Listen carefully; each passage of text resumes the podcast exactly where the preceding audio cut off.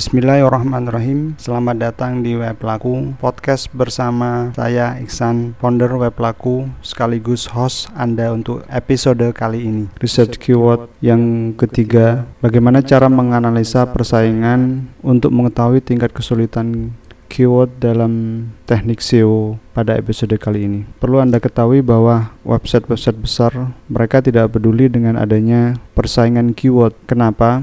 Karena website besar sudah dipercaya oleh search engine Google dan mereka mudah untuk merangsek ke dalam jaringan top 10. Alasannya website baru susah meranking ke dalam mesin pencarian nomor satu atau 10 pencarian pertama. Oh, website baru ini rata-rata umurnya masih antara umur 3 sampai 6 bulan bisa dikatakan baru. Kalau mungkin sudah lewat satu tahun, kemungkinan sudah bisa dikatakan berumur website atau blog tersebut. Sedangkan web-web besar mereka bukan lagi dibangun dalam beberapa bulan saja, melainkan mereka sudah bertahun-tahun, belasan tahun, bahkan ada yang puluhan tahun. Atau bisa jadi website besar tersebut blog baru cuman karena memiliki nama dan reputasi yang cukup bagus dari media sebelumnya yang sudah dibangun entah itu mulai dari televisi, radio, maka langsung dikenal oleh search engine ini sebagai website besar. Jadi masuk akal bukan kalau alasannya bahwa website baru sangat sulit. Nah, tugas kita bagaimana? Apakah kita mundur saja atau terus dengan persaingan website atau blog yang masih baru seumuran jagung?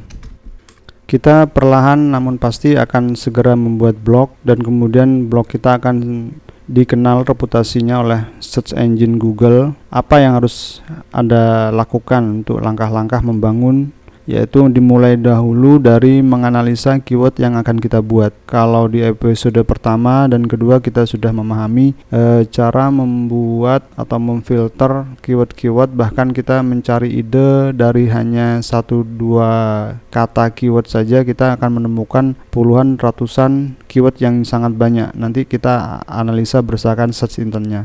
Itu bisa Anda simak di podcast saya yang sebelumnya satu dan dua. Dalam episode kita kali ini menganalisa persaingan setelah anggap saja Anda sudah menemukan keyword yang tepat. Saatnya kita melakukan analisa ya.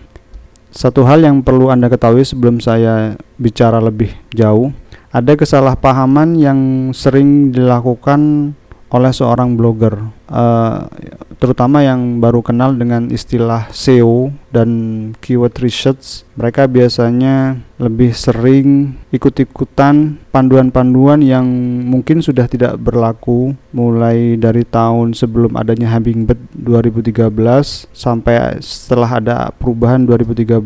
Dikiranya research keyword atau panduan SEO itu sama saja jadi jangan ikut-ikutan terjebak dalam hal seperti ini. Anda harus benar-benar memilih mentor yang tepat dan cara panduan research keyword yang benar pula. Kalau tidak akan terjatuh dalam kesalahan yang sangat fatal. Akibatnya blog akan dianggap spam dan dimasukkan ke sandbox. Sandbox ini artinya blog-blog yang dikarantina oleh Google agar tidak muncul dalam mesin pencariannya. Jadi sudah seperti yang saya jelaskan kalau Anda misalkan membuka Google Keyword Planner, di situ ditampilkan berbagai macam keyword, pencarian tiap bulan rata-ratanya dan kompetisinya. Perlu anda ketahui bahwa ini tidak ada kaitannya sama sekali dengan SEO seperti yang sudah kita uh, dapatkan dari beberapa panduan zaman dulu. Sudah saya katakan bahwa Google Keyword Planner ini sebenarnya tool untuk Google AdWords atau para pengiklan yang ingin mencari referensi mereka ingin bermain di keyword apa. Di dalam kompetisi Google Keyword ditunjukkan biasanya ada indikator high middle dan low atau high dan low saja biasanya. Ini merupakan uh, persaingan banyak kunci yang banyak iklannya. Sedangkan low berarti iklannya di dalamnya sedikit. Jadi uh, indikator persaingan SEO yang tinggi dan rendah. Jadi dipahami ya, jangan gunakan patokan SEO semacam ini. Nah, saya punya beberapa cara untuk menggunakan untuk menganalisa persaingan kata kunci. Anda sebaiknya install Mosbar dan SEO Quark di dalam browser Chrome atau Firefox. Anda bisa langsung installnya nanti bisa Anda praktekkan. Kedua plugin ini gratis. Namun bila ingin mendapatkan fitur yang lebih bisa menggunakan versi berbayarnya. Setelah in instalasi uh, setelah instalasi coba lakukan search di Google, Anda akan tahu Mosbar itu seperti apa fungsinya. Di situ biasanya ada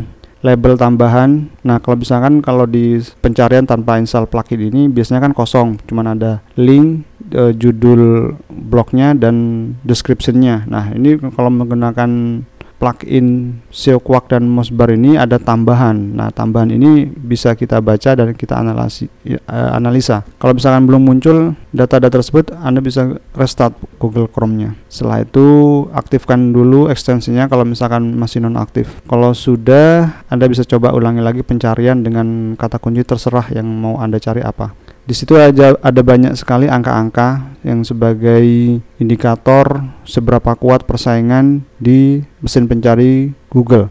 Supaya tidak pusing, mungkin akan saya jelaskan perlahan-lahan. Uh, ada dua hal yang paling penting sebagai indikator utamanya yaitu PA dan DA, yaitu Page Authority dan Domain Authority. Pengertiannya page rank atau PR ini adalah angka dari 0 sampai 10 menunjukkan seberapa tinggi reputasi website tersebut e, menurut algoritma. Mungkin kalau zaman dulu PR ini sangat berpengaruh sekali, namun PR ini sekarang sudah tidak terlalu page rank ini tidak terlalu diagung-agungkan seperti zaman dahulu. Blog dengan PR besar akan menjamin trafiknya tinggi. Jadi PR ini sudah tidak diupdate lagi oleh Google, jadi bisa kita abaikan. Yang paling poin utama adalah page authority-nya. Page authority ini ditunjukkan dengan angka 0 sampai 100 yang artinya seberapa tinggi reputasi halaman website tersebut. Yang pasti ini bukan angka resmi dari Google, cuman hanya sebagai indikator saja batasannya antara 0 sampai 100. Semakin tinggi biasanya page authority-nya semakin bagus uh, sebenarnya bukan resmi dibuat dari Google tapi ini mendekati algoritma Google untuk memudahkan para master, webmaster atau SEO analyzer memudahkan membaca. Sedangkan domain authority atau DA mirip dengan page authority tapi keseluruhan domainnya. Jadi bukan per halaman. Kalau yang tadi kan PA itu per halaman, kalau ini domain seluruhannya. Namanya sesuai dengan nama website. Jadi semakin tinggi page rank PR, domain authority DA atau dan juga page authority PA e, semakin sulit persaingan yang Anda incar. Jadi perhatikan juga di mesin pencarian 1 sampai 10 di halaman pertama itu kalau misalkan ketiga indikator ini tinggi semua, kemungkinan Anda untuk masuk top 10 sangat kecil. Jadi pilih-pilih juga oh, pesaing-pesaing yang PA, DA, PR-nya kecil semua atau paling tidak kita punya batasan kalau misalkan 50 ke bawah kita hajar, kita lakukan proyeknya. Kalau misalkan 50 ke atas kita tinggalkan. Terus kemudian indikator yang ketiga Anda bisa lihat jumlah kualitas backlinknya. Di sini ditunjukkan dengan dengan indikator L dan LD. L ini artinya backlink ke halaman tersebut dan LD adalah backlink ke keseluruhan domain. Mungkin Anda belum tahu apa itu backlink. Saya jelaskan sekilas tentang backlink ya. Backlink itu adalah faktor terbesar sebuah website atau blog eh, yang mempengaruhi peringkat di mesin pencarian. Semakin bagus, semakin banyak dan semakin berkualitas sebuah backlink untuk website atau blog, maka website Google semakin mudah untuk merangsek. Nah, tujuannya plugin ini sekedar mencari dan membantu saja seba sebagai analisa indikator berapa nilai persaingannya. Kalau misalkan Anda sudah tahu berapa persaingannya menggunakan tool lain silakan. Ini hanya sebagai alternatif dan referensi saja yang saya sering gunakan dan beberapa mastah juga menggunakan yang sama. Cara yang keempat untuk melihat persaingan atau menganalisa persaingan dari sebuah keyword anda bisa lihat judul dan topik kontennya. Kira-kira relevansi atau tidak, relevan artikelnya atau tidak. Relevansi itu yang nomor satu, sebab kalau tidak relevansi meskipun titel dan deskripsinya sesuai dengan kata kunci, ketika Anda melihat judul dan titelnya sesuai dengan yang mereka incar, nam namun tidak relevan, maka ini bisa dikatakan mudah.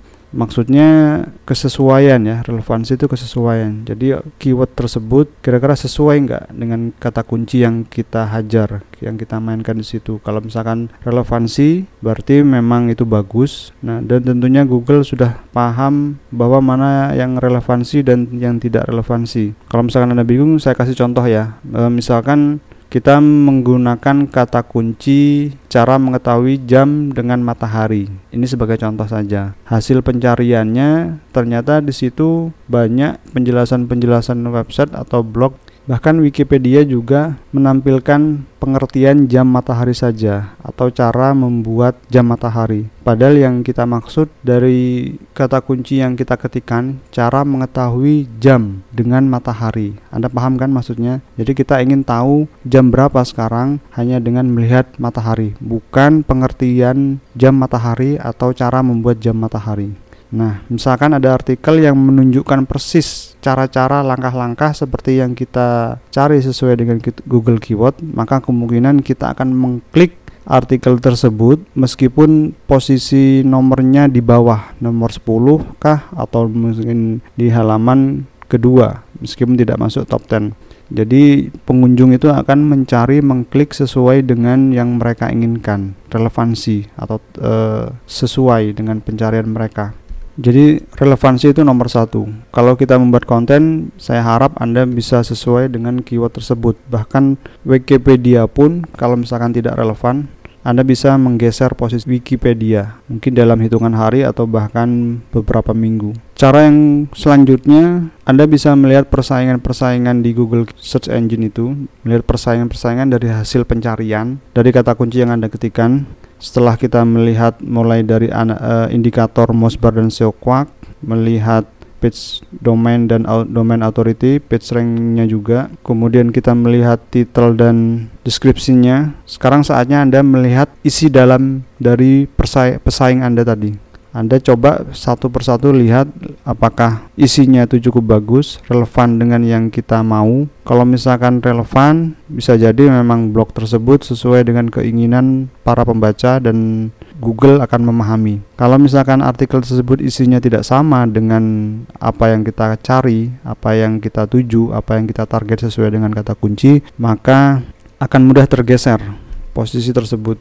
Logikanya begini, Google selalu akan berusaha menampilkan website dengan konten terbaik di posisi teratas karena orang-orang tersebut itu puas ya. Puas dalam artian karena memang ini yang saya cari. Jadi konten yang terbaik akan selalu dilihat, akan dibaca oleh pengunjung. Maka dari itu kunci utama adalah kualitas dalam membuat artikel. Jadi sekali lagi Anda bisa mengecek kualitas masing-masing artikel tersebut, kontennya seperti apa, kunjungi satu persatu, buka halaman demi halaman. Kalau memang ternyata tidak bagus, berarti persaingan kita mudah. Kalau memang bagus, artikelnya lengkap, detail, padat, e, referensinya juga banyak, kemungkinan juga persaingan berat. Meskipun PA dan DA-nya mereka tinggi, kita akan mudah untuk merangsek ke jajaran top 10 atau peringkat nomor satu. Jadi ini rel relatif, tidak ada tidak ada kepastian. Anda bisa mencoba kalau penasaran, kita akan tahu beberapa minggu ke depan atau bahkan dalam hitungan bulan. Kalau Anda merasa mampu membuat konten yang bagus, lebih bagus kualitasnya dari mereka, berarti keyword ini mudah. Kalau Anda tidak bisa, berarti saya katakan susah. Nah, itu cara-cara eh, cara-cara manual kita menganalisanya mulai dari judul, dari deskripsi pencarian, dari melihat isi konten persaing, melihat jumlah backlink kualitasnya. Ada cara yang lebih komplit yaitu menggunakan term explorer. Term explorer ini sudah saya bahas di episode pertama dan kedua, yaitu cara yang lebih otomatis dan mempercepat dengan banyak keyword sekaligus. Tidak harus melihatnya satu persatu, Meskipun tidak 100% akurat, tapi Term Explorer ini bisa kita manfaatkan sebagai acuan untuk mengeliminasi keyword-keyword yang terlalu sulit seperti itu.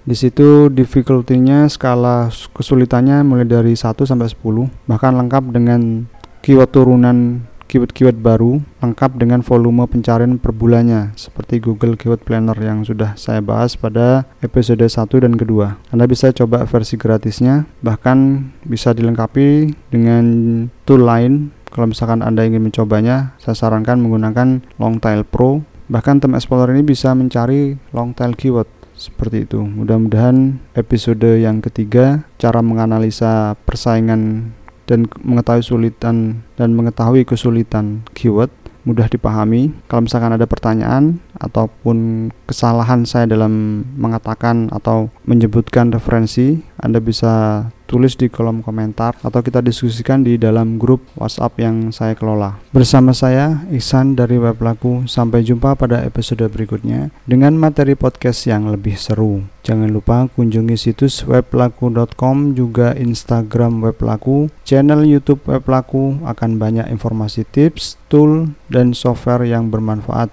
yang tidak pernah dibahas dalam siaran podcast kali ini. Silakan gunakan kupon web laku diskon 50% jika Anda tertarik dengan software atau tool yang ada di web laku. Semoga podcast episode kali ini bermanfaat bagi Anda. Wassalamualaikum warahmatullahi wabarakatuh.